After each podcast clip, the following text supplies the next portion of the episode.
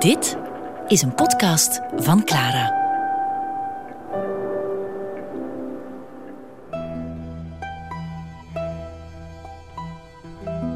Venetia met Serge Simonaar.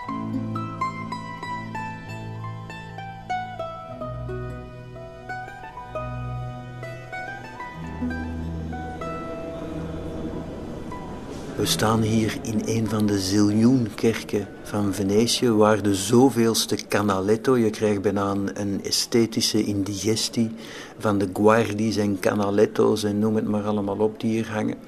En goed, het is radio, maar toch zal ik een poging doen om over puur visuele zaken te praten, namelijk schilderijen.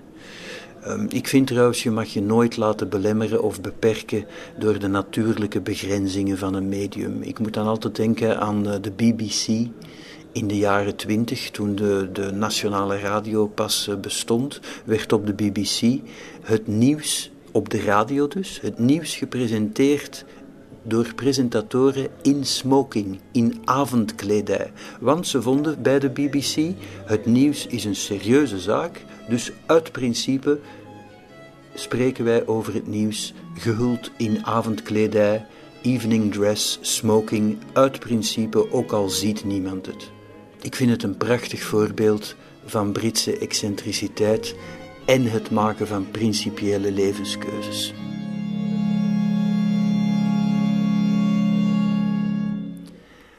Goed, schilderij dus. Canaletto, ik zei het al, Guardi en zo, dat is allemaal gekende stof, daarover ga ik niet uitweiden. En ik vind trouwens al die Canaletto's, dat is prachtig geschilderd en dat geeft een heel goed tijdsbeeld, maar eigenlijk zijn dat postkaarten uit die tijd. Uh, eigenlijk is dat weinig creatief, dat is gewoon een afbeelding van hoe het toen was. Dat zie je ook in al die schilderijen, die zijn ook heel mooi van Ziem. Ziem was een, een hele uh, bekende schilder die, die echt massaproductie heeft gedaan, maar altijd op niveau. Er zijn echt... Uh, misschien wel duizend schilderijen van Ziem uh, in omloop in alle musea en op antiekbeurzen en zo. Allemaal prachtig geschilderd, maar nooit meer dan een veredelde postkaart. Ik ga het hebben over andere schilderijen.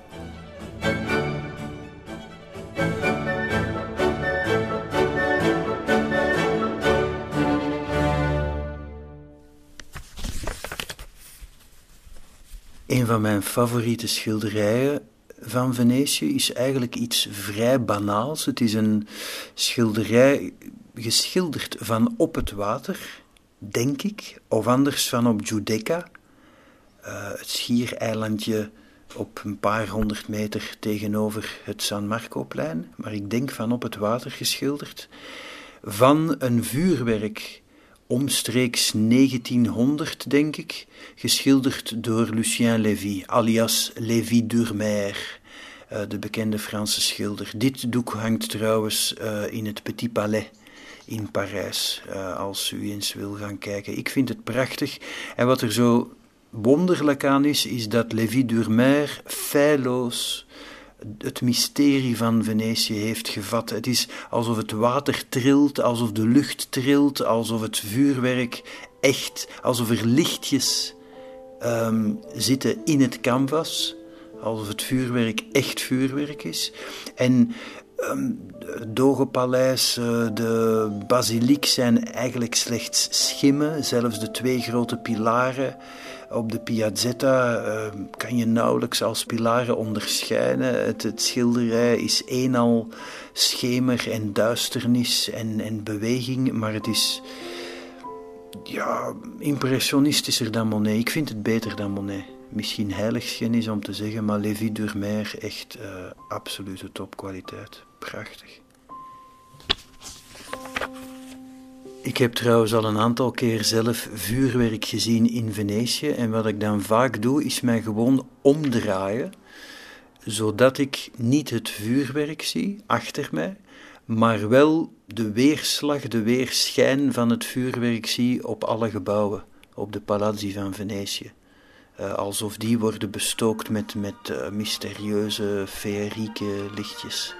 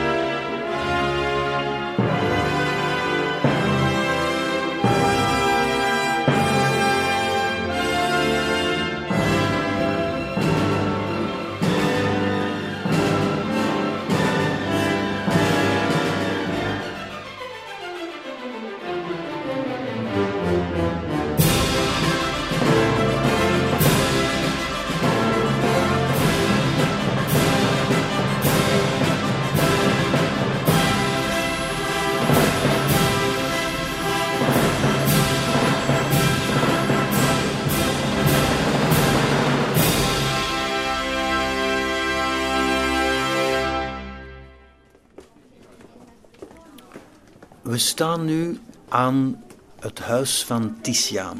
Titiaan, een van de legendarische schilders, wat het huis was van Titiaan. Nu, het is heel zeldzaam als je verder dan pakweg een eeuw of twee in de tijd teruggaat, dat je nog het woonhuis van een kunstenaar intact kan betreden. Bij ons heb je, hebben we het Rubenshuis en dat is het ongeveer. Uh, we beseffen te weinig hoe uniek dat is, denk ik.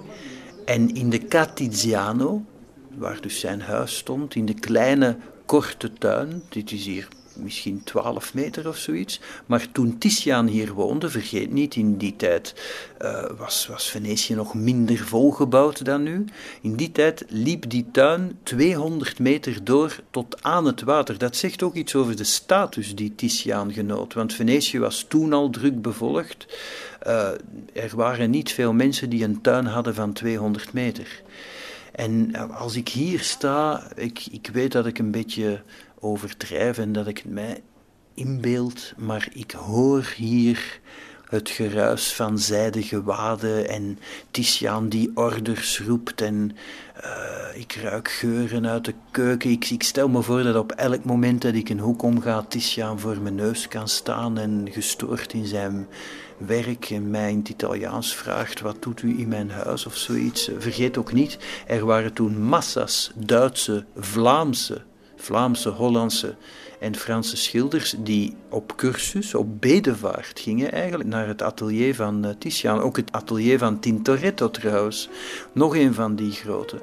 Wat mij boeit en amuseert zijn de kleine uh, weetjes over hun leven. Bijvoorbeeld dat Titiaan nog schilderde toen hij honderd was, bijna s'avonds met kaarsen op zijn hoed, om s'avonds het juiste licht te hebben voor zijn doek. Stel het je voor, Titiaan, bijna honderd jaar schilderend in bed, met een hoed op waarop kaarsen zijn gemonteerd, uh, zodat hij goed licht had. Dat is toch fantastisch, dat beeld. Um, Tintoretto is nog zo'n figuur die mij fascineert. Van Tintoretti is de beroemde anekdote, ik ben zeker niet de eerste die die vertelt. Hij smokkelde ooit, Tintoretto dus, zijn schilderij binnen bij een voorronde van een wedstrijd over wie de zoldering van het Dogepaleis mocht schilderen. En Tintoretto was er al twee dagen voordien aan begonnen. En toen in gezelschap, je moet het voor je zien, prachtige scène, toen in gezelschap van zijn concurrenten, dus de andere kandidaten die ook de zoldering van het Dogepaleis wilden beschilderen. Toen de jury hem vroeg, meneer Tintoretto, waar is uw ontwerp? zweeg Tintoretto en hij wees simpelweg naar boven. Hij had het al stiekem aan de zoldering bevestigd. Dus al die anderen stonden verschut en de jury stond voor, voor een voldongen feit eigenlijk. En Tintoretto heeft zo wil de overlevering ook nog de onsterfelijke woorden gesproken: Als u mij niet wil betalen voor dit werk, dan schenk ik het u. En ze konden moeilijk anders dan hem de opdracht geven, want hij had het al gemaakt en het hing er al. Er is een anekdote dat Tintoretto in zulke woede ontstak over de uitvoering van een of ander portret, dat de ruzie die toen ontstond zo hevig was dat Tintoretto en zijn slachtoffer naar een kerk liepen en, en dat uh, het slachtoffer voor Tintoretto moest schuilen. Dus zich echt verstopte omdat hij zo bang was van de woede, de toren van Tintoretto.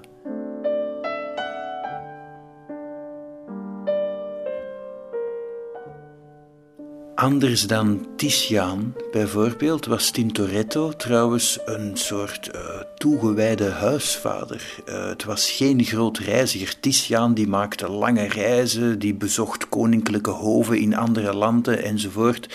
Tintoretto um, heeft Venetië eigenlijk maar één keer verlaten eh, omdat hij niet anders kon, omdat hij een serie schilderijen in Mantua moest afleveren um, en dat niet aan iemand anders wilde toevertrouwen. Dat vergeten wij ook altijd. Dat vind ik ook al belangrijk om daarbij stil te staan. Wij hebben altijd de neiging om te vergeten dat een beroemdheid, een held, een levende legende zoals de grote Tintoretto ook nog een klein leven had. Ehm, in het geval van Tintoretto, zijn dochter is heel jong gestorven. Dat beeld, Tintoretto die even weggeroepen wordt van zijn schilderwerk in een of ander palazzo. Eh, ja, wat je dochter is overleden. En dan de volgende dertig jaar met een gebroken hart staat te schilderen. Dat soort details kan ik moeilijk vergeten als ik zo'n doek bekijk.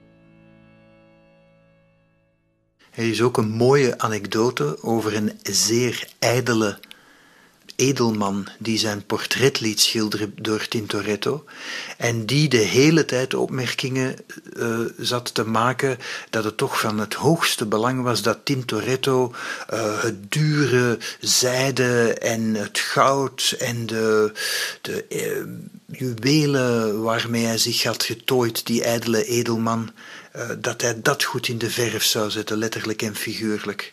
En Tintoretto was die ijdelheid en die opmerkingen over al die juwelen dermate beu, dat hij uitbarstte en dat hij zei, uh, bol het af, ga weg, uh, laat je maar schilderen door Bassano. En Bassano, en dat maakt het amusant, Bassano was in die tijd um, overal bekend als schilder van dieren.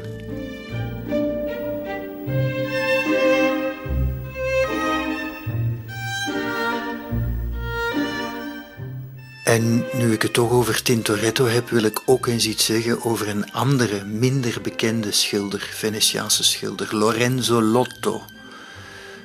Um, zijn lot, Lotto, niks te maken met uh, de loterij, maar het lot van Lorenzo Lotto uh, is heel aandoenlijk en heel tragisch eigenlijk. Um, hij kon nooit van zijn kunst leven wat uh, in die tijd voor een schilder eerder zelden was, want er was zeer veel werk. Um, hij werd niet betaald, had uh, te lijden onder uh, wanbetalers, werd dan af en toe betaald, maar dan niet in geld, maar in wijn of kaas of ham. hij moest gaan wonen bij um, familieleden. En alsof dat nog niet pijnlijk genoeg was, kreeg hij toen de aller, allerergste aandoening, of tenminste een van de twee allerergste aandoeningen die een schilder te beurt kunnen vallen. Um, je handen kunnen beginnen te trillen, dan kan je niet meer schilderen. Maar nog erger is, Lorenzo Lotto werd blind. Maar wat wel amusant is, ik heb hier voor mij liggen um, een facsimile van um, een, ja, moet ik dat noemen, de, een stuk van de boekhouding van Lorenzo Lotto, de schilder, waarin hij bijvoorbeeld uh, zegt wat zijn modellen kosten. Hij huurde bijvoorbeeld um, lichaamsmodellen. Je moet je voorstellen, al die edellieden en, en voorname heren en dames uit de haute bourgeoisie in de beau monde van het Venetië van die tijd, de 16e eeuw, die hadden absoluut geen tijd om uren en dagen lang te poseren. Dus wat deden ze dan? Ze huurden arme mensen in die poseerden in de kleren van die edelman dagenlang, zodat de edelman zelf alleen maar moest poseren voor zijn gezicht.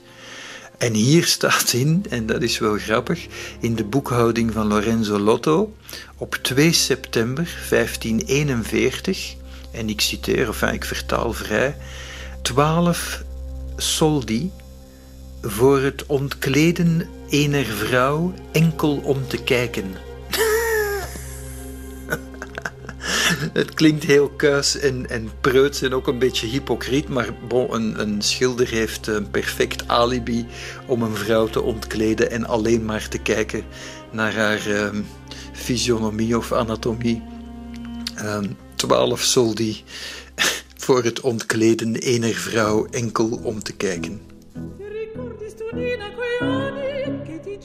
solo pensiero che dormente che che affani mai un'ora di vero piacere. Per fortuna quel tempo di andò che peccato. Per fortuna quel tempo si andò.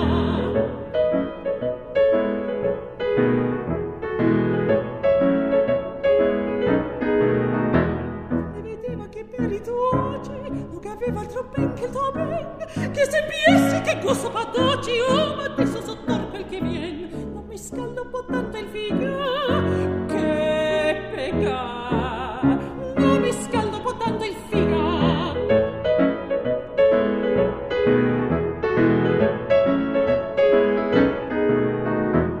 Ti sei bella ma pur ti sei doma qualche dio lo conosce anche in te. Godere con altra persona me diverto con altra anche a me. Benedetta la sua libertà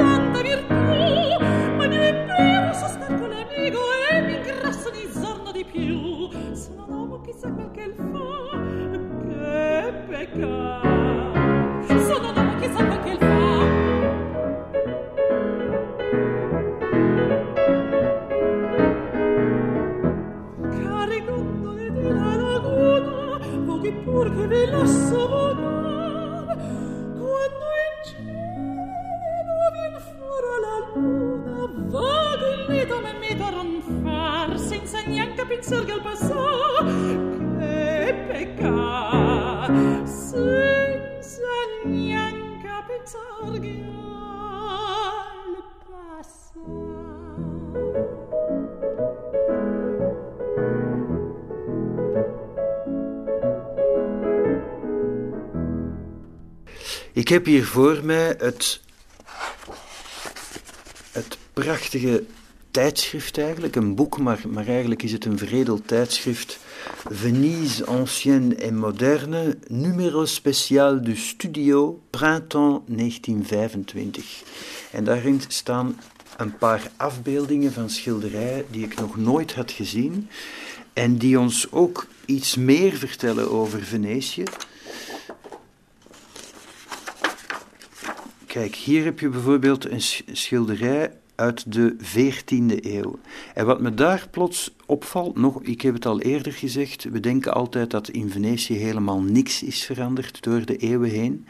Maar toch is dat zo. Je ziet in de 14e eeuw een beeld, een afbeelding, nog pre-perspectief. Dus, dus je kent dat met, met al die kleine mannetjes die veel te groot zijn afgebeeld bij veel te kleine gebouwtjes enzovoort. En geen dieptezicht enzovoort. Je ziet dan de kade ehm, van Venetië, waar nu dus het Dogepaleis is en de bibliotheek, de Marciana eh, en het Danieli Hotel en het Metropoolhotel enzovoort. Die hele lange kade die rechts afvloeit richting Biennale, eigenlijk anderhalve kilometer lang. Allemaal palazzi, zij aan zij.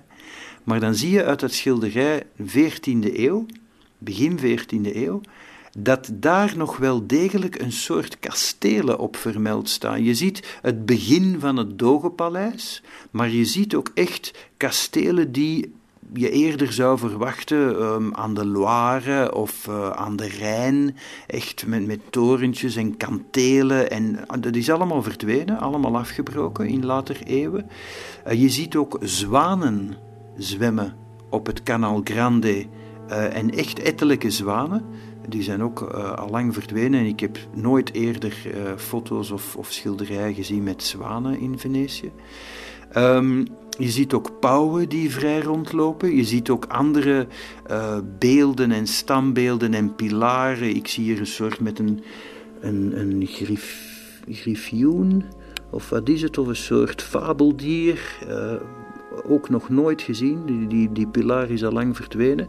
Kortom, het, wat ik hier zie lijkt eigenlijk meer op het Brugge van de vroege middeleeuwen dan op het Venetië dan zoals we het nu kennen. En wat mij ook intrigeerde, is hier een beetje verder. Zie je het Dogepaleis, en daar had ik nooit iets over gelezen. Het Dogepaleis dat in brand staat. En ik denk dat dit is iets zo uit de 15e eeuw. Wacht even, um, even de Latijnse data. Nee, het is, het is voor de. Dus 1427. 1427, een gravure. Waarbij het Dogepaleis in brand staat en waarop ook mensen een enorm vuur stoken van balken of, of aangespoeld wrakhout op het San Marcoplein. Heel bizar. En een galei, een echt een, bijna een Romeinse galei, die tot aan de kade is gevaren. Met echt, ik denk, misschien wel 200 galeislaven. Echt heel bizar, nog nooit gezien.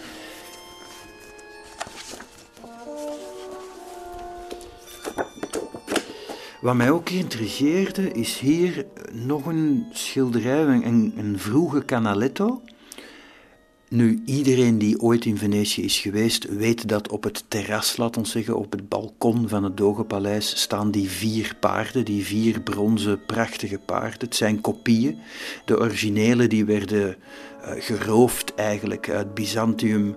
Um, want uh, meegenomen of ingevoerd, vaak een eufemisme voor gejat, gestolen.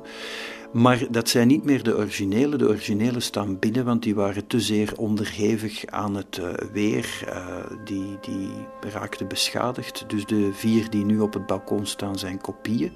Maar wat ik nog nooit had gezien, en dat blijkt uit dit schilderij van Canaletto dat die vier paarden ooit op het San Marco hebben gestaan, op gigantische sokkels, één sokkel per paard. Ik schat te, zien aan de grootte van de, de mannetjes, de Venetianen, die ook op het schilderij staan afgebeeld, schat ik dat die sokkels 10 meter hoog waren. Dus vier sokkels, één per paard. En die stonden voor het Dogenpaleis, maar wel op het San Marco-plein.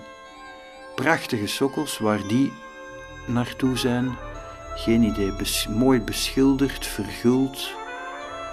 Echt prachtig.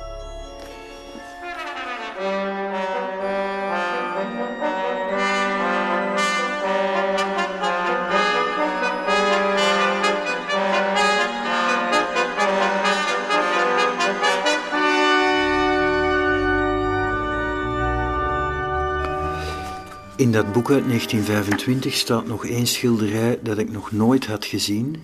En ik weet ook niet waar het hangt. Het is een schilderij uit het begin van de 18e eeuw, maar het is een afbeelding van de pest. Toen de pest in Venetië heerste, dus veel eerder, 14e, 13e eeuw. Um, en het is een, een, een schokkend schilderij. Het is bijna Jeroen Bos-achtig omdat het heel onomwonden en bot, maar ik vrees realistisch weergeeft hoe er met de slachtoffers van de pest werd omgegaan, en meer bepaald de lijken. Je ziet een prachtig palazzo, ik, ik kan niet uitmaken welk palazzo het is. Um, en, daarnaast staat een soort tuin met ornamenten die volgens mij al lang is afgebroken, want die herinner ik mij ook niet dat ik die ooit heb gezien. En je ziet hoe ze uit de ramen op de eerste verdieping van het palazzo carrément lijken van overleden slachtoffers uh, laten vallen eigenlijk in bootjes die op het kanaal voorbij varen en uh, onder de gewelven doorvaren en al vol liggen met lijken en die duidelijk zullen worden afgevoerd naar een massagraf ergens. Maar dus, dus je ziet bedienden in het palazzo, de overleden eigenaars, familieleden en ook een, een aantal naakte mensen. Uh, gewoon uit het raam gooien in die bootjes. Alsof, alsof je vuilnis in een, in een uh, boot gooit die voorbij vaart echt heel uh, ontluisterend om te zien.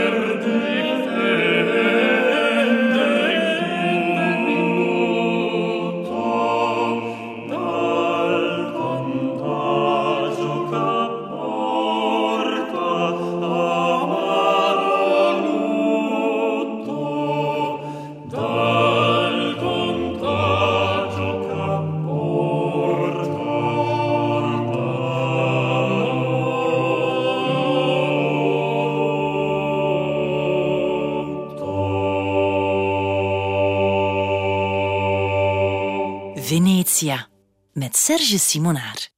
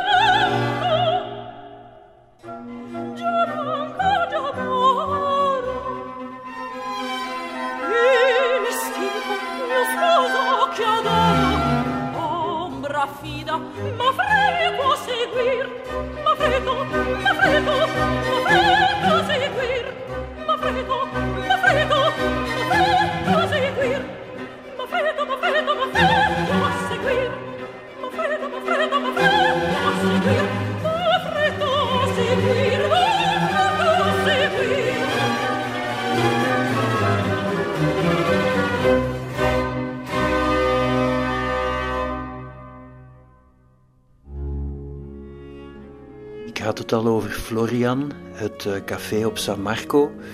Ehm, dat was ook de vaste stek van James McNeill Whistler, die daar altijd zat in een wit kostuum met een witte grote hoed en een prachtige snor. Maar hij zat daar vooral op zondag, want Whistler was eigenlijk een Amerikaan. Hij maakte overigens mensen wijs dat hij in Sint-Petersburg was eh, geboren, omdat hij vond dat dat chiquer en mysterieuzer klonk, maar hij was een Amerikaan. En zijn moeder was ehm, extreem gelovig. En hij had zijn moeder beloofd dat hij nooit op zondag zou werken. Dus in zijn geval nooit op zondag schilderen. Dus zondag zat hij de hele dag in Florian. En hij heeft inderdaad, bevestigen getuigen uit die tijd, nooit op zondag geschilderd.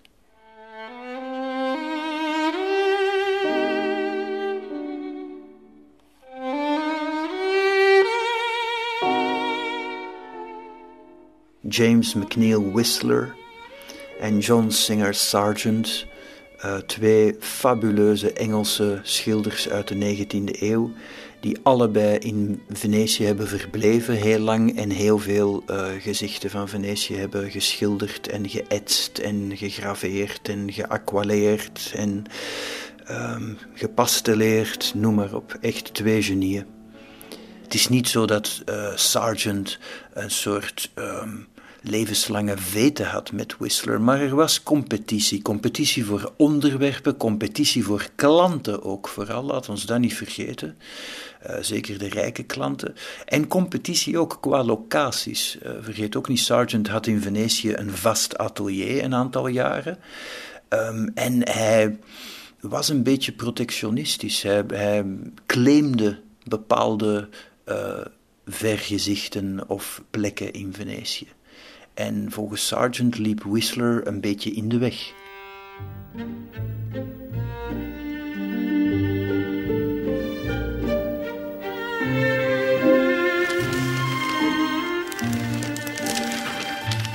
Ik citeer even. I have seen and heard much of Cockney impudence before now, but never expected to be seen to ask 200 guineas for flinging a pot of paint in the public's face. Vrij vertaald, het is een schande dat zo'n cockney oplichter 200 pond durft vragen in die tijd, dus nu zouden dat tienduizenden ponden zijn, voor het gooien van een pot verf in het gelaat van de nietsvermoedende kijker of liefhebber van schilderkunst. En dat was het verwijt, en, en vind ik, want het was John Ruskin, mijn held John Ruskin, die een gentleman was, dus voor zijn doen is dit echt ongelooflijk bot en goor geformuleerd. Ask 200 guineas for flinging a pot of paint in the public's face. En dat was de kritiek van Ruskin op een schilderij van Whistler. Nu, Whistler liet dat niet over zich heen gaan. Whistler was iemand, uh, en dat is een van de dingen die mij ook zo uh, voor hem innemen. Het was een excentriek, het was een dandy, het was een Einzelganger, het was iemand uh, die um, durfde tegen de coterie van het toenmalige Engelse schilderswereldje ons kent ons in te gaan. En het was ook iemand die, um, laat ons eerlijk zijn, een gezond ego had, of een ongezond ego. Het was iemand die bijvoorbeeld, wat ik altijd absurd vind als iemand dat doet, Ehm, maar ik ken ook beroemdheden in onze tijd die dat doen. En Whistler deed het ook, namelijk in de derde persoon over zichzelf spreken. Zo van, Whistler would never do that. En dan was hij zelf aan het woord. Nu, heel ijdel, maar wat zag je dan? Dat in het conflict tussen die twee, Whistler had de schilderijen in Venetië gemaakt, Ruskin ook, Um, en je zag dat er partij werd getrokken. Bijvoorbeeld Dante Gabriel Rossetti, ook een van mijn helden. En de schilder Albert Moore trok een partij voor Whistler. En Sir Edward Burne-Jones, die ik ook adoreer, die trokken dan weer partij voor Ruskin. En Frith, de schilder trouwens ook. Um, en Burne-Jones zei trouwens over Whistler: His vanities and eccentricities have been a matter of joke of long standing. Maar nu, ook al werd de zaak wegens laster, fling a pot of paint in the public's face, gewonnen door Whistler, de morele overwinning was eigenlijk voor Ruskin. Want Whistler kreeg maar one farthing, uh, bijna twee keer niets zouden wij zeggen, one farthing, uh, een halve euro, uitgekeerd als schadevergoeding, terwijl hij honderden ponden kosten had, zelfs in die mate dat Whistler bankroet werd verklaard, omdat hij de advocaten niet kon betalen. Hij was zelfs uh, verplicht om zijn studio in, in Chelsea, een van de prachtigste, mooiste studio's aan de Thames, uh, te verkopen, om, om, die pas af was, omdat hij het niet kon betalen. Het typeerde Whistler trouwens dat hij voor de rest van zijn leven die ene farthing, dus een muntstuk, aan, zijn, aan de ketting van zijn horloge bevestigde, om zichzelf blijvend te herinneren aan dat proces. Er is trouwens ook nog een andere getuigenis van een schilder die zei uh, dat Whistler voorbij wandelde en zei: This is a good subject. But when you find one like this, you should not do it, but come and tell Whistler. Alweer in de derde persoon pratend over zichzelf. Pompeuze kwast. Maar een genie.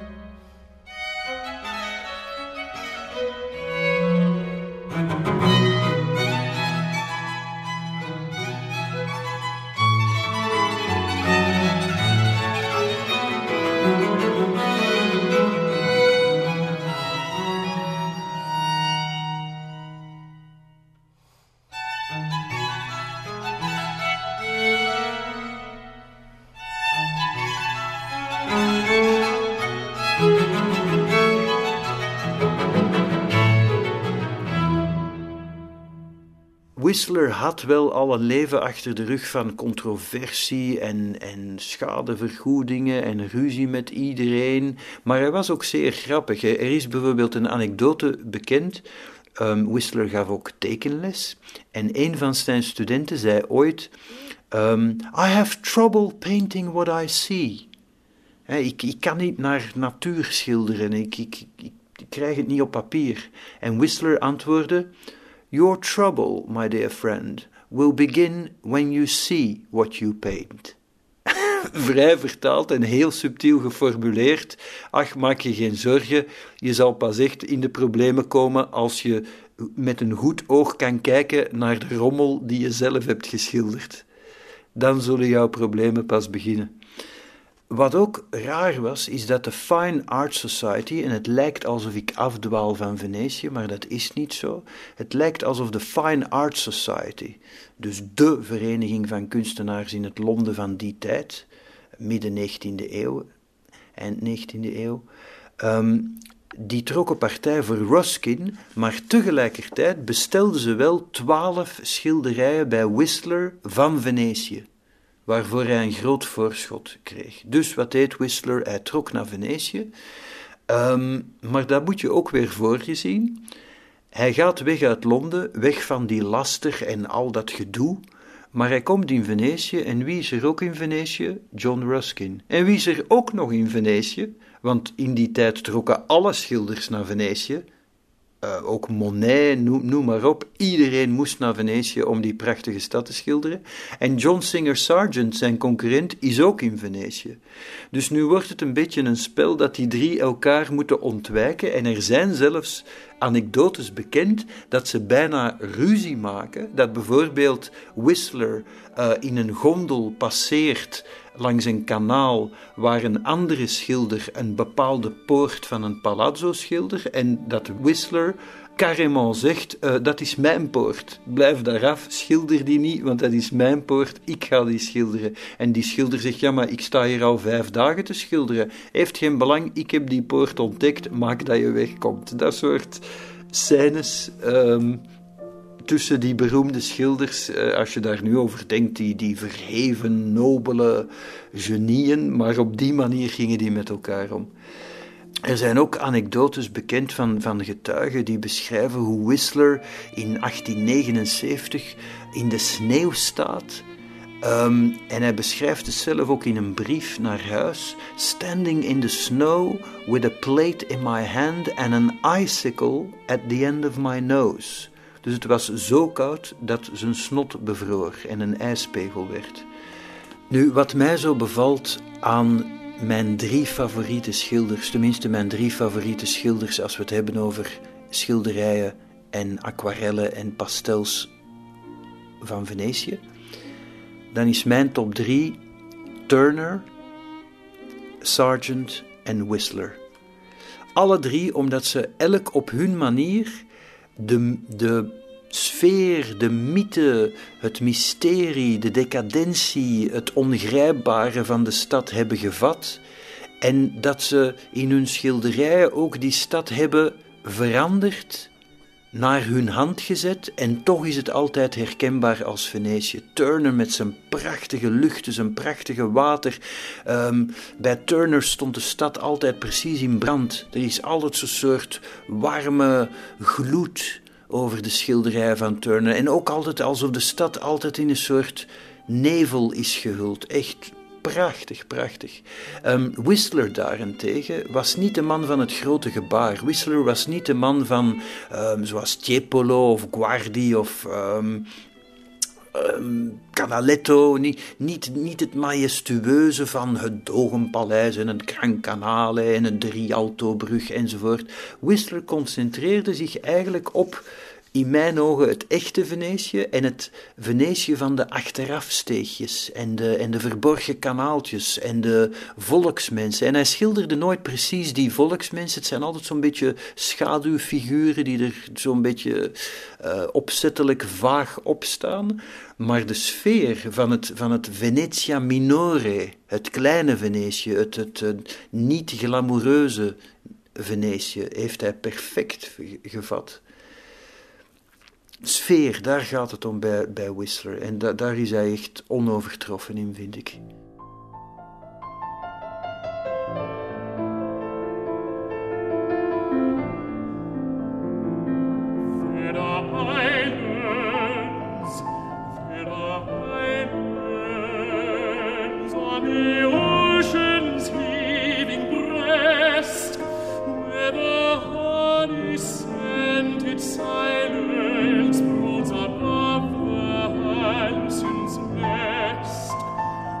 the sands are smooth and golden, and the flowers bloom one by one, and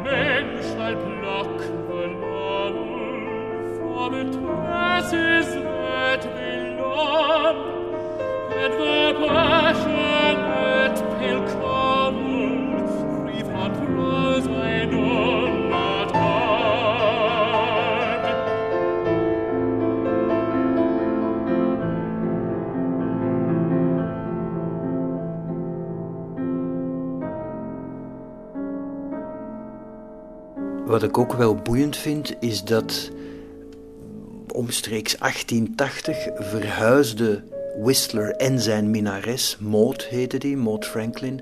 Whistler en zijn minares verhuisden van de Frari naar een soort um, gemeenschappelijk huis, een, bijna een, een um, commune, waar een aantal schilders samenhokten, de Casa Jankovic. Eh, of het Pensione Bucintoro ehm, aan het eind van de Riva naast de San Biagio-kerk. En wat het boeiende daarvan is, is niet alleen die sfeer, als ik me dat voorstel, hoe ze allemaal samenleefden. Overigens, Maud Franklin, de minares van Whistler, was de enige vrouw in dat klikje, dus dat moet je je ook voorstellen. Anno 1880 als enige vrouw met 12, 13 schilders in één palazzo samenhokken. Uh, dat was ook not done en uh, extreem bohemien voor die tijd. Maar wat ook boeiend is, is dat je ziet verschillende schilderijen van verschillende schilders, die je nu kan zien in musea, die uit hetzelfde raam zijn geschilderd. Van op, van op het, exact hetzelfde standpunt, oogpunt, exact hetzelfde perspectief. En wat ook wel grappig is, Whistler was ook de man, en dat bewonder ik ook zo aan hem, het was geen miniaturist, maar hij had zoveel maîtrise dat het een van die schilders was die echt met een grove borstel, bij wijze van spreken op een minuut tijd, twintig penseelstreken gaf en het stond erop. En, en de leek zou daar dan acht maanden aan werken en het zou nog op niks trekken maar echt, echt met, een, met een brede sweep. Hij had trouwens een, een penseel, hij gaf dat zelfs een naam, dat penseel heette Matthew. En dat was een heel grof penseel en de andere schilders hadden een hekel aan Matthew, aan dat uh, penseel, omdat Whistler de gewoonte had om van de paletten uh, van de voorraad verf van zijn uh, huisgenoten met Matthew er zo eens in te dippen. Maar ja, met zo'n grof penseel als uh, Matthew. Eén keer dippen in lapis lazuli of, of blauw of oranje, noem, noem maar op, vermiljoen. En de voorraad van die andere schilder was op. Um, dus Matthew was een gevreesde concurrent voor die andere schilders. Um, nu, het grote verschil met zijn concurrent John Singer Sargent was dat die van goede huizen was. Dus die heeft op een hele andere manier Venetië beleefd. Whistler had altijd schulden en bedelde vaak om geld. Bijvoorbeeld bij de Art Fine Art Society heeft hij nog uh, na zijn al riante voorschot nog meer geld los proberen peuteren. Maar John Singer Sargent um, kwam uit een uh, zeer welgestelde familie, woonde in het Palazzo Resonico, um, dus kon in alle luxe schilderen. Vergeet niet, toen hij 22 was, zei Auguste Rodin, dus niet eens een landgenoot en niet eens een vriend, die zei toen al over Sargent op zijn 22e: C'est le Van Dyck de nos jours. Dat wil iets zeggen. Nu, de scène die ik graag voor mij zie, uh, op mijn geestesoog, dat is Sargent drijvend, varend in zijn gondel door Venetië. En niet, niet privé, maar als schilder. Sargent hield er heel erg van om te schilderen vanuit de gondel. Ten eerste vond hij dat je op die manier standpunten kon innemen en op plekken komen waar je niet kon komen als je een ezel moest neerzetten ergens waar geen plaats was of, of wat dan ook. Maar ook een gondel biedt een heel laag standpunt voor een schilder als je het vergelijkt, om nu iets extreem te noemen, met een raam van op de tweede verdieping, de gondel is heel laag. Dus dan krijg je een heel ander perspectief en standpunt.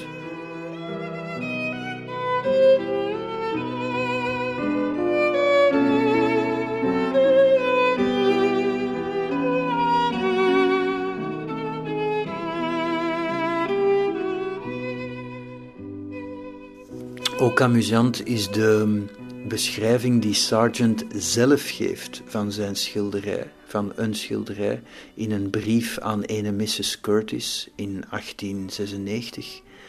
You will perhaps see how curious Venice looks with snow clinging to the roofs and balconies, with a dull sky and the canals of dull opaque grain, not unlike pea soup, con rispetto, and very different from the julienne of the Grand Canal in summer.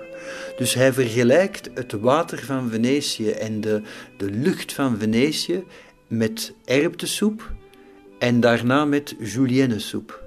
Dus de juliennesoep van het Grand Canal en de erwtensoep in de winter uh, als de kanalen een beetje zijn aangekoekt en, en bemodderd en aangeslipt. En je ziet ook hoe begeesterd Sargent was door Venetië. Um, uit het simpele feit kan je dat aflezen dat hij er negen keer is geweest in totaal voor elf maanden. En wat me ook voor Sargent inneemt trouwens, is dat het een bon vivant was en een heel gastvrij mens. En er zijn verhalen van hem bekend en dat is een scène waar ik ook graag bij geweest was. Uh, van hem in het palazzo, hij sprak vier talen wat ook zeldzaam was voor iemand uit die tijd. Uh, en hij speelde piano. En hij nodigde vaak wildvreemden uit op straat van uh, kom maar mee, dan krijg je lekker eten en ik zal wat piano spelen.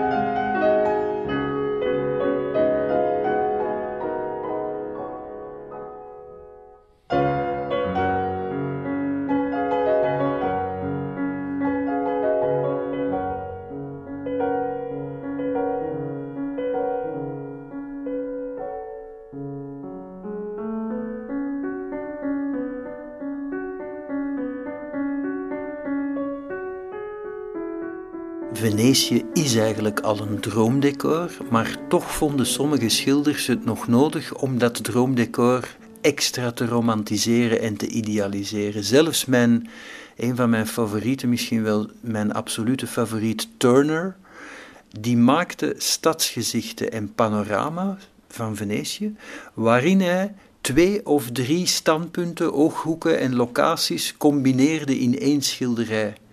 Als hij vond dat één niet volstond of dat het schilderij nog niet dramatisch genoeg was of niet romantisch genoeg of niet mysterieus genoeg. En net zoals Canaletto, als je nu de schilderijen van Turner naast de skyline houdt of naast een gezicht van, van een deel van het Canal Grande of zoiets, dan klopt het niet. En wat ik ook echt geloof, al die schilders die Venetië keer op keer op keer schilderen, er, zijn echt schilders die Venetië letterlijk 200 keer hebben geschilderd. Um, en dan heb ik het niet over de massaproductie schilders die voor toeristen werkten, maar over de echte top laagschilders. Ik denk nergens meer dan in Venetië is er een soort verscheurdheid die ook die schilders gevoeld moeten hebben, volgens mij. Een verscheurdheid tussen kijken met je eigen ogen en willen anderzijds fotograferen, vastleggen, bijhouden, uit angst dat de herinnering te gauw vervaagt, om, om iets achter de hand te hebben voor mocht Venetië er ooit niet meer zijn. En ik denk dat schilders uit vroegere eeuwen, vergeet niet, fotografie bestond niet, uh, de wereld was wankel, er waren veel meer aardbevingen en zo waaraan niks te doen viel. Dus ik denk dat bewust en onbewust dat aspect heeft meegespeeld, ook bij die schilders zelf um, Venetië vastleggen om die beelden achter de hand te hebben, die schilderijen, voor mocht Venetië er ooit niet meer zijn.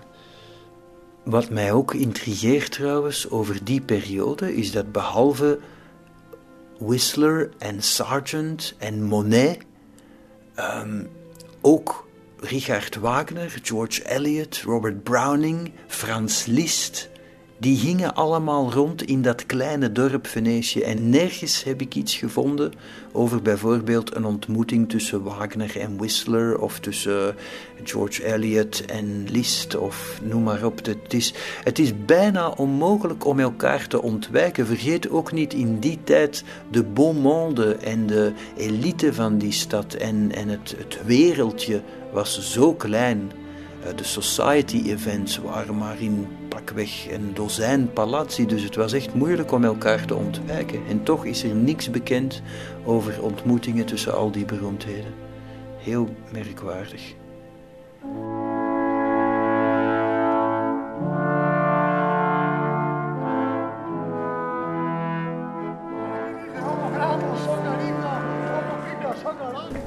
Venetië is een dorp, is nog steeds een heel klein dorp dat is opgedeeld in nog kleinere dorpjes. Venetië is eigenlijk een heel provinciaals stadje. En elke wijk is een dorp. Het is zelfs zo, en ik verzin dat niet, dat is echt zo. Elke wijk in Venetië, je hebt het Venetiaans dialect, maar daarboven heeft elke wijk zijn eigen dialect en zijn eigen woorden en zijn eigen accent. Ook al is Venetië een zakdoek groot, je kan feilloos zeggen, ik niet, want mijn Italiaans is daar niet, of tenminste mijn Venetiaans is daar niet, niet goed genoeg voor, maar een Venetiaan kan feilloos zeggen, die man komt uit Canareggio, en dat is maar 500 meter meer naar links, die man komt uit Castello, en dat is maar 100 meter meer naar rechts. Die verschillen zijn er echt. En wat me ook altijd opvalt, is dat je mag in Venetië niet te lichtzinnig praten over Italië of de Italianen, want vroeg of laat werpt er dan wel iemand tegen en soms een beetje nijdig. Uh, excuseer, het is hier niet Italië, het is hier Venetië. Een beetje zoals, maar dan nog veel sterker, uh, zoals New Yorkers vinden dat zij niet de Verenigde Staten zijn. En dat zij eigenlijk een ander soort volk zijn dan de doorsnee Amerikaan. Dat geldt zeker voor de Venetianen. Noem een Venetiaan nooit Italiaan. iemand van Mestre, wat het deel is op het vasteland van Venetië, is geen Venetiaan. Vraag aan een Venetiaan, is een bewoner van Mestre een Venetiaan? En die, dat zal op hoongelach of grote sceptisch worden onthaald.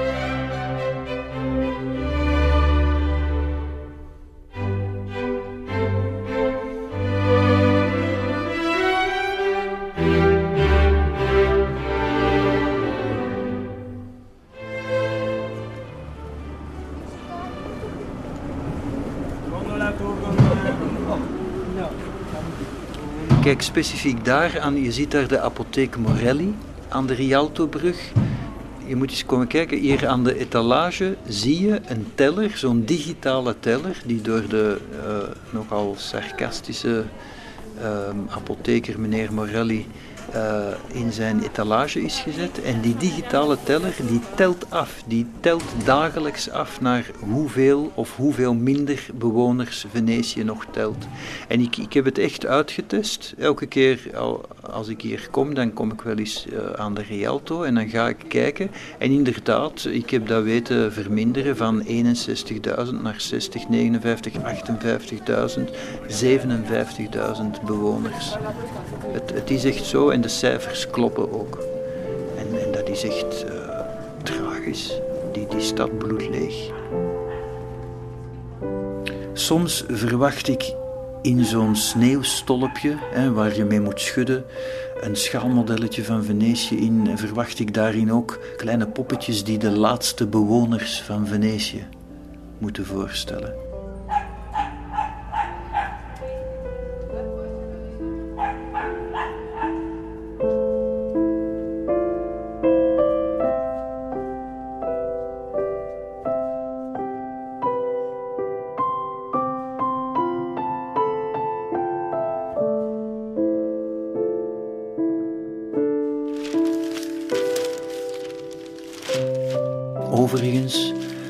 Vanochtend in de Gazzettino, het krantje van Venetië, vandaag twee geboorten, acht overlijdens en twee gezinnen geëmigreerd. Dat is duidelijk qua evolutie en balans. De stad loopt leeg.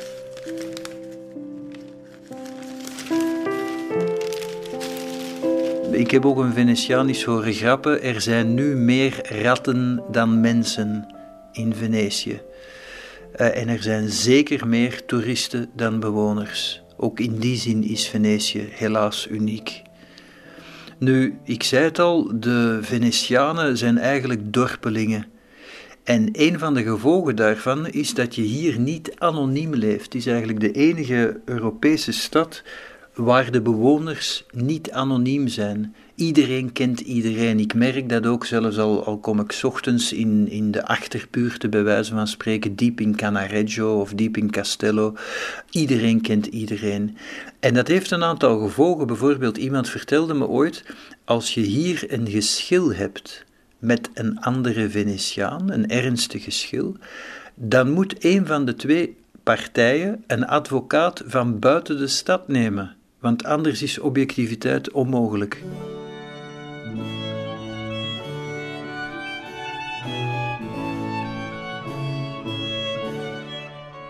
Ik zag ooit op Arte in een documentaire een uh, Venetiaanse inbreker op rust. Dus een, een gepensioneerde inbreker van 75 jaar, die romantisch en vol nostalgie vertelde over op de daken lopen. Ehm, en als een tegel brak, dan imiteerde hij een kat. Om te doen alsof die kat de tegel had gebroken, zodat de mensen geen argwaan zou hebben. Maar dit is ook de enige stad waar inbrekers zich hebben gespecialiseerd in het vluchten over de daken. De enige stad waar dat ook kan, omdat ondanks de kanalen, en vergeet niet veel van die kanaaltjes zijn heel smal, zijn de huizen zo dicht op elkaar gebouwd, de densiteit van steen in Venetië is zo groot, dat je echt van het ene dak uh, op, op het andere kan springen. Ik bedoel, Fiddler on the Roof, dat soort uh, caprioli. In, in Venetië was dat voor inbrekers een must. En ik, ik, weet, ik weet nog dat die inbreker ook zo'n beetje... Um, Laatdunkend zei, ach, ik stal enkel van rijke Venetianen die het de voorbije eeuwen ook maar bij elkaar hadden gestolen. En hij had niet eens helemaal ongelijk. Venetia met Serge Simonaar.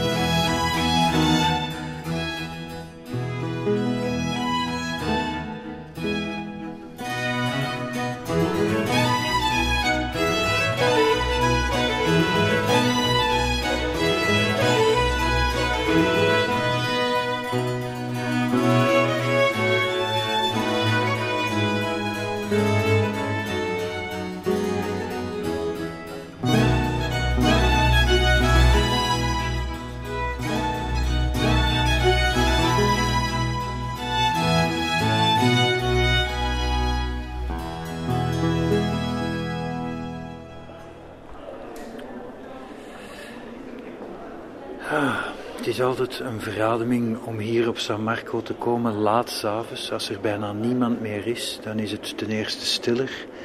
En ten tweede heb je dan door de schemering en door de toch nog een beetje weerkaatsing op de gouden mozaïeken van de basiliek, toch het gevoel dat je in een soort irreëel 15e, 16e eeuws decor rondloopt. Het is hier in trouwens um, toevallig waar we nu staan, misschien een paar meter eh, links naar rechts, heb ik vorig jaar een lang gesprek gehad met een uh, Venetiaan van een actiegroep, die toen um, een soort symbolische begrafenis van Venetië had georganiseerd. Om te protesteren tegen de um, daling van de bevolking, dat de echte Venetianen alsmaar emigreren of uitsterven. En die had ook een brochure gemaakt, die man. Uh, die brochure heette Veniceland. Venice Land, zoals Disneyland. En hij vertelde mij, en ik, ik ik heb goed op zijn gezicht geleten. Ik geloof echt dat het waar is, want het klinkt krankzinnig. Maar hij vertelde mij dat een Amerikaanse toeriste, een vrouw, hem ooit had gevraagd: om hoe laat gaat Venetië eigenlijk dicht? En die man zei tegen mij: Ik heb haar moeten uitleggen dat Venetië geen themapark is, zoals Disneyland of noem maar op, maar een echte stad. Hoe laat gaat Venetië eigenlijk dicht s'avonds? Echt krankzinnig. Only in America.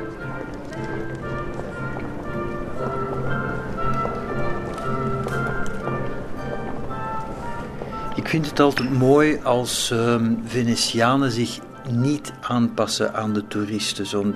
er is een, een bepaald soort sport, zou ik het bijna noemen, maar, of een levenshouding van de doorsnee Venetiaan die zich toch afzet tegen het toerisme en die een beetje dwars ligt, die een beetje saboteert. Um, iedereen zegt bijvoorbeeld, alle toeristen zeggen, oh ja, Harry's Bar, Harry's Bar, de legendarische bar waar Hemingway nog is geweest, enzovoort, enzovoort. Wel, de doorsnee Venetiaan vindt het zogeroemde Harry's Bar een toeristenval eerste klas. Die, die, willen daar helemaal niet gaan. Ik, herinner me ook nog, ik ben vergeten welk boek, maar een van de boeken van Donna Leon over haar uh, commissario Brunetti. Uh, komt er iets in van uh, meneer Brunetti, straks wil u nog naar Harry's Bar gaan. En dan zegt Brunetti iets als: Oh, ik geloof niet dat ze jou daar binnenlaten als je geen toerist bent. Heel sarcastisch. En zo is het echt.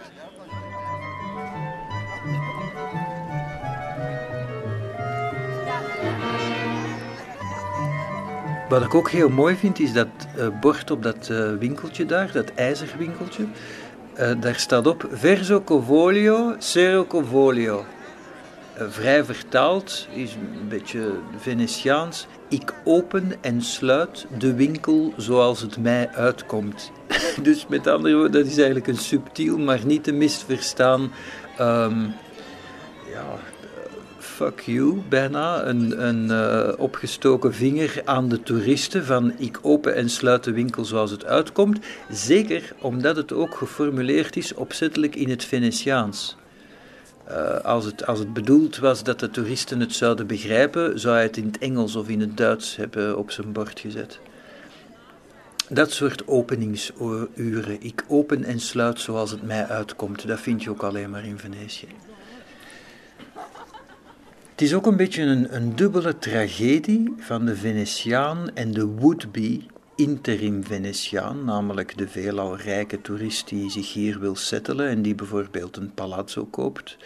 De geboren en getogen Venetiaan, die hoor je vaak zuchten en blazen en klagen en is blasé en vindt het allemaal vanzelfsprekend en onpraktisch, ook al door Aqua Alta. Nu, ik begrijp natuurlijk wel die verzuchtingen van de lokale bevolking, want Venetië is niet gebouwd voor 21ste eeuwse bezonjes en vereisten. In Venetië is alles omslachtig en lastig. Provisering, aanvoer, afvoer, vuilnis, bevoorrading, noem maar op, alles is een strijd. Maar dat is de charme er ook van. En de toerist-immigrant Venetiaan, die hier heel graag zou aarden, wordt nooit helemaal aanvaard en wordt in tal van gevallen eigenlijk enkel gedoogd tot zijn investeringsgeld op is. Het is, het is echt heel vaak gebeurd dat rijke Amerikanen of Japanners of uh, popsterren of filmsterren hier een palazzo kochten En de Venetianen stonden dat toe en dan werd dat gerenoveerd, dat palazzo enzovoort. En op een bepaald moment, want dat is een bodemloze put, zo'n zo'n palazzo, alleen al omwille van de vochtigheidsgraad, dat, dat kan je blijven restaureren, dat, is, dat houdt nooit op. En op een bepaald moment is het geld op en dan mag die toerist meer vertrekken. En dan ofwel koopt de stad Venetië het gerestaureerde palazzo aan een prikje terug op, ofwel wordt de volgende, je ziet dat ook in golven, de volgende rijke eerst de Amerikanen, dan de Japanners, plots waren de Russen rijk, waren er een hoop palazzi in Russische handen, nu is die golf weer gemilderd, nu zijn het de Zuid-Amerikanen enzovoort. Het, het volgt elkaar op, het is heel duidelijk te merken. Ik bekijk ook regelmatig de brochures van Sotheby's Realty en zo. Eh, je, je merkt dat heel duidelijk. Je kan het chauvinisme van de Venetianen ook aflezen uit bijvoorbeeld bordjes als Nostrani. Soms staat er op een bordje, ehm, dat kan op de vismarkt zijn, dat kan in een restaurant zijn, dat kan in de etalage van een winkel zijn. Daar staat eenvoudigweg op Nostrani, vrij vertaald van bij ons. En met opzet alleen in het Venetiaans, niet voor de toeristen. En dan bedoelen ze uh, vis uit de lagune of dingen die niet zijn ingevoerd. Van alles is nostrani. Ook al wordt er overigens stiekem wel veel ingevoerd. Want als ik een euro had gekregen voor elke keer dat ik scampis uit de lagune heb gegeten die eigenlijk waren ingevoerd uit andere landen, dan zou ik een heel rijk man zijn nu.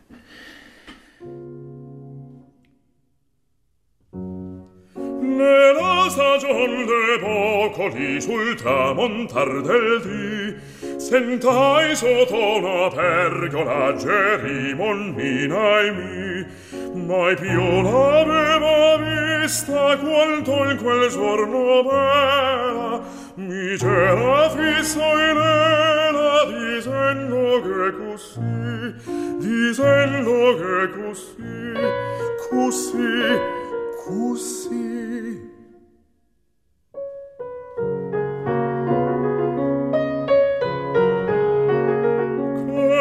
ti fa mia cocola se troppo per scherzar ma troppo poco l'onola quando ti voglio amar quelli occiadine tene che con le mie se vien fa che il mio cor s'immagina debise cartenze mal ma del suo dolce adonta nina che il cuor me tocca se toccherà tua bocca. Con ene no convien no no convien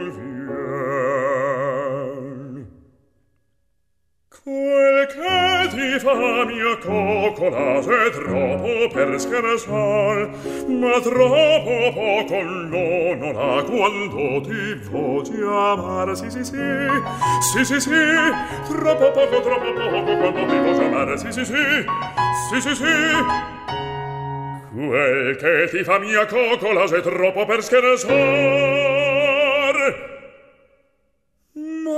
troppo poco ti voglio amar.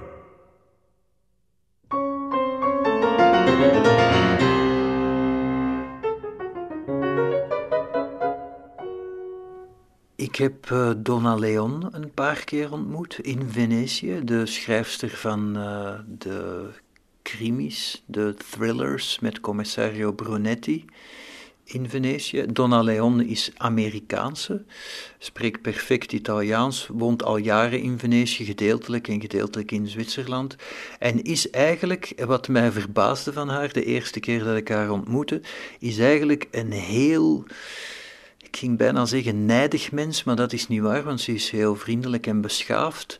Maar het is een take een teek in de pels van al wat haar niet bevalt. Haar e-mailadres bijvoorbeeld, ik zal het niet zeggen over de radio, maar haar codenaam, haar schuilnaam voor haar e-mailadres is een dier dat zich vastbijt in alles. Een, een nijdig dier met scherpe tanden dat zich vastbijt in dingen. En zij schuwt ook niet om kritiek te geven, op, uh, zeker op de autoriteiten in Italië en in Venetië.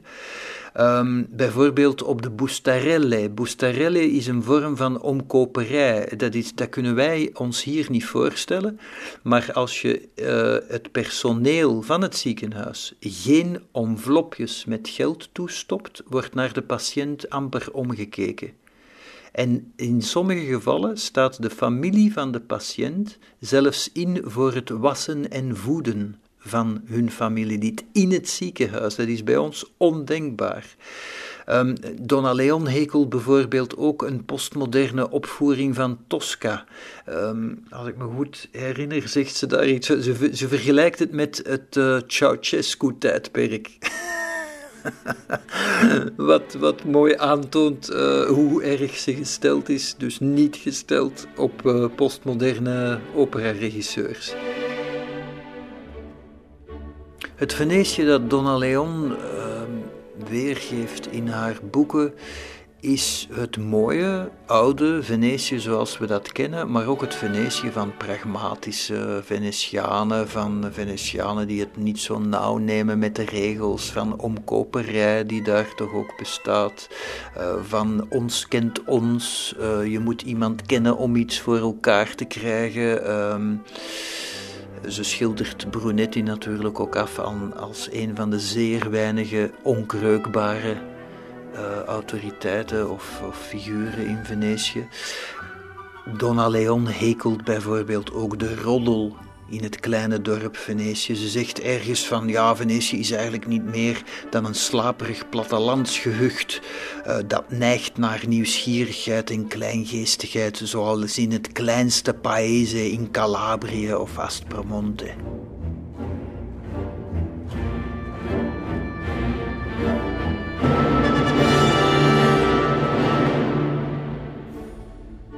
Er is trouwens een, een, mooie term in het Venetiaans en in het Italiaans uh, ook, neem ik aan, l'arte dell'arrangiarsi.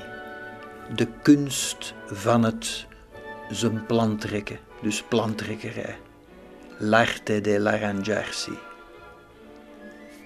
Ik heb zelf nog nooit iets gemerkt van uh, corruptie of fraude op, of opluchterij in Venetië, of het zou het slechte eten zou moeten zijn uh, dat je vaak vindt uh, in middelmatige restaurants. En zo zijn er nogal veel, helaas. Maar nogmaals, je moet bereid zijn om geld te betalen om goed te eten. En als je gierig bent en je betaalt weinig, moet je ook niet klagen dat het simpele kost is. Maar wat ik wel heb gemerkt, dat zelfs al in brieven die ik heb gelezen en dagboeken van reizigers uit de 19e, 18e eeuw, dat daar echt al wordt gewaarschuwd uh, voor oplichters in Venetië, voor fraude, voor bedrog. Um, ik herinner bijvoorbeeld in het zeer mooie boek trouwens Literary Landmarks of Venice van ene Lauren Hutton, ik weet niet wie het was, uit 1896 die klaagt al over het feit dat Venetiaanse antiekhandelaars hun bric-à-brac uh, verkopen met ofwel aangedikte verhalen, ofwel uh, grove leugens, uh, veel te veel aanrekenen, um, beweren dat dit of dat tafeltje komt uit een palazzo terwijl het is ingevoerd uit een dorp uit de Vogese, ik zeg maar iets. Zij klaagt daar al over in 1869. Zij zegt letterlijk. Um, if an inscription tells you, here lived en dan een ronkende naam, leefde hier ooit een of andere Venetiaanse held, uh, bij zwaard of bij pen, schrijver of patricier. If an inscription tells you here lived, you may put down in your diary that he probably visited, maybe next door, or died over the way. Either way, fiction reigns supreme. De Venetianen zijn heel sterk in fictie, vrij vertaald leugens. 1896. En als we nog verder teruggaan, Ik heb een brief gevonden van ene Michael Kelly, alweer geen idee wie het was, uit 1781. En die beschrijft hoe hij ene signor Andrioli aan het koffiehuis, al lang verdwenen, aan de Rialto ontmoet. En hij zegt, hij heeft me opgelicht en waarschuwde me toen voor anderen in Venetië die goedgelovige bezoekers aan de stad oplichten. Hij maande me aan het Venetiaanse spreekwoord nooit te vergeten: Cento anni di melanconia con pagaranno un soldo dei debiti. Zelfs honderd jaar melancholie zullen niet volstaan om ook maar één cent van een uitstaande schuld af te lossen. 1781 al klachten over de oplichters in Venetië. Ook typerend is dat aan het eind van de 18e eeuw, dus 770 of zo, werd de onverwachte dood van de doge, de toenmalige doge, vier weken lang geheim gehouden om geen ophef te maken, want ophef zou het toeristenseizoen kunnen schaden. Toen al! 1770 en ze houden dat vier weken geheim, dat is toch te gek.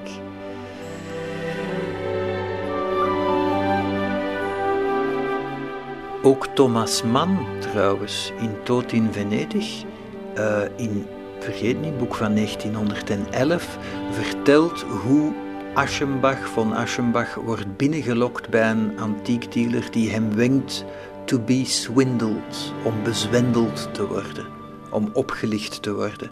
En hij, Thomas Mann, beschrijft Venetië 1911 toen al als half droom, half toeristenval. Niets nieuws onder de zon. Aschenbach had some trouble getting to his destination as the gondolier was in league with lace factories and glassworks and tried to land him at every place where he might view the wares and make a purchase. He was disenchanted by the cut purse mercantile spirit of the sunken queen of the Adriatic vrij vertaald, de gondelier toen al, wat nu nog altijd zo is, gondeliers en ook de mensen van taxiboten, die dus worden ingehuurd door de glasfabrikanten om toeristen mee te lokken, een gratis rit naar Murano, maar dan wordt er wel verwacht dat je voor x aantal duizenden euro's aankoopt. In 1911 was het al zo. Nu, Soms begrijp ik heel goed dat de Venetianen het geweldig op hun zenuwen krijgen van al die toeristen. De laatste keer dat ik in Venetië was, hoorde ik twee Japanse toeristen aan twee carabinieri vragen: Where is San Pietro? Waarop die carabinieri duidelijk niet wisten of ze moesten lachen of huilen. En ik hoorde de ene carabinieri, politieman dus, tegen de andere zeggen: San Pietro, è Roma. Sint-Pieters, vroeg de Japanse toerist in Venetië. Waar is de Sint-Pieterskerk? In Rome, godverdomme.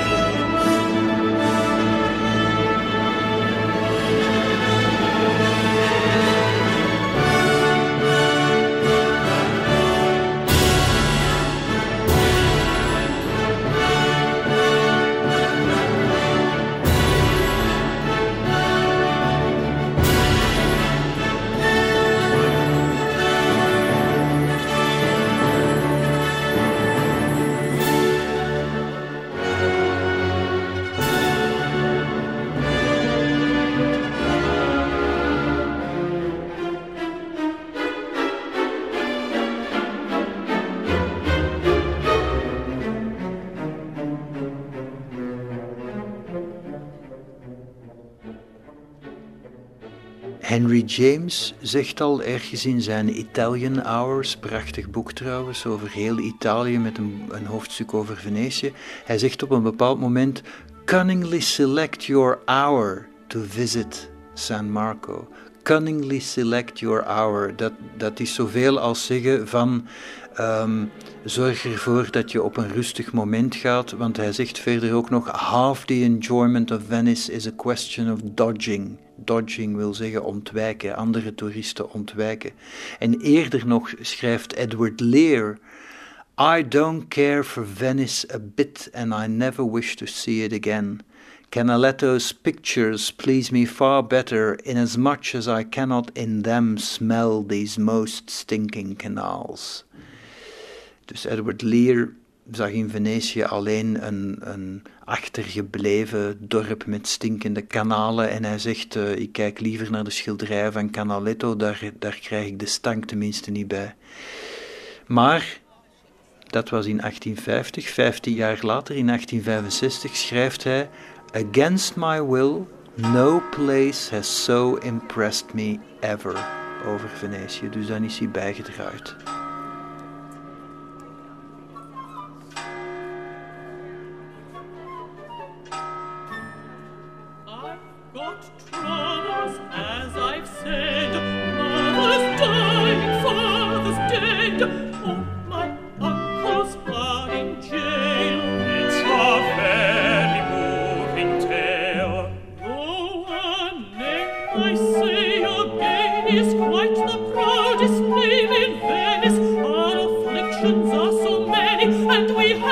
not a penny. Madame, I am desolate at your family's tragic state. Any help that I can give, please to tell me where they live. I shall look them up tomorrow and I'll leave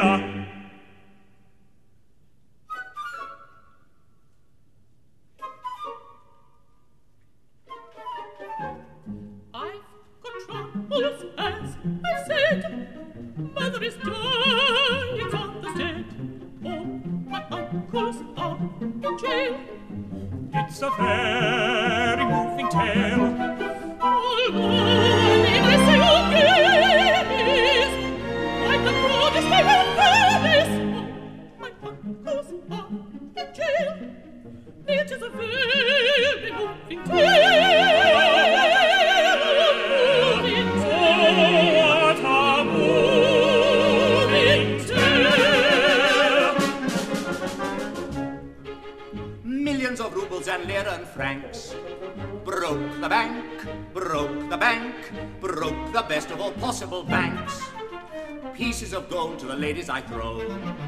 Easy come, easy go, shining gold to the ladies I throw. See them on their knees before me. If they love me, can you blame them? Little wonder they adore me. Watch them woo me as I name lady frilly, lady silly, pretty lady willy nilly, lady lightly, lady brightly, charming lady fly by nightly. My lady fortune found me, what a joy to have around me. Lovely lady six or seven, this is my idea of heaven. Fortune keep the wheel a spinning, spinning. They adore me while I'm winning lady frilly, lady silly, pretty lady willy nilly, lady lightly, lady brightly, charming lady fly by nightly. Fools love only one or two. Ladies, I love all of you. Lady frilly, lady silly, pretty lady willy nilly, lady lightly, lady brightly, charming lady fly by nightly. My lady fortune found me, what a joy to have around me. Lovely lady six and seven, this is my idea of heaven. Fortune keeps wheels spinning, spinning. They adore while I'm Lady frilly, lady silly, pretty lady willy nilly, lady lightly, lady brightly, charming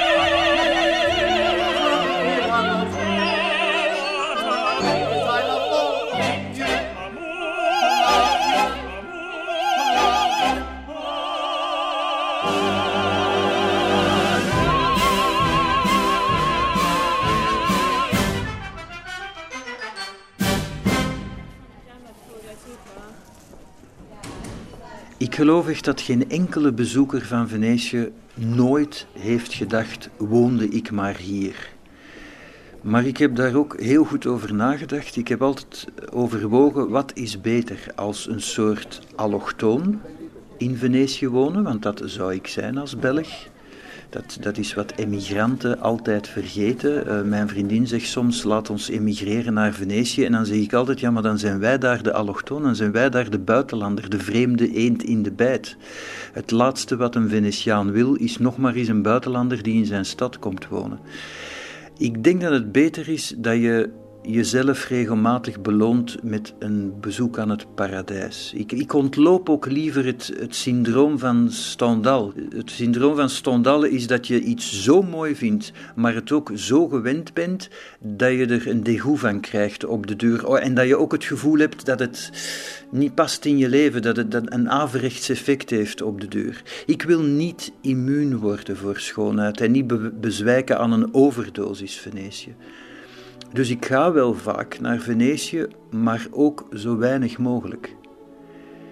En gelukkig heeft Venetië een lange halveringstijd. Een bezoek blijft lang nazinderen. En, en soms krijg ik dan het gevoel van, uh, nu is het op.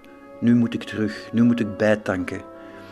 En zoals Marcel Proust trouwens, ook een uh, devoot interim Venetiaan, en zijn Madeleines, um, kan ik bij wijze van spreken, zelfs in Tsjernobyl, um, aan de hand van een lichtinval of een verweerd brok marmer of wat dan ook, een of ander detail Venetië oproepen.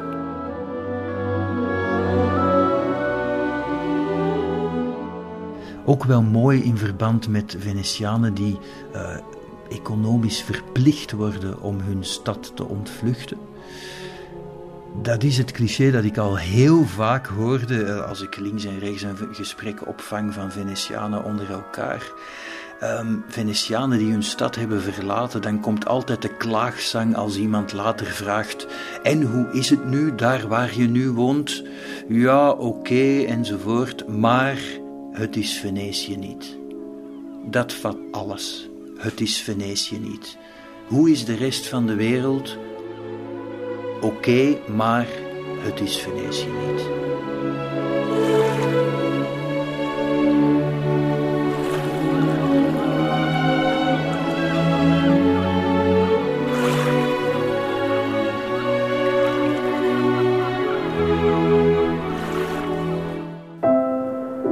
Ontdek ook onze andere podcasts via clara.be. Clara Podcast. Blijf verwonderd.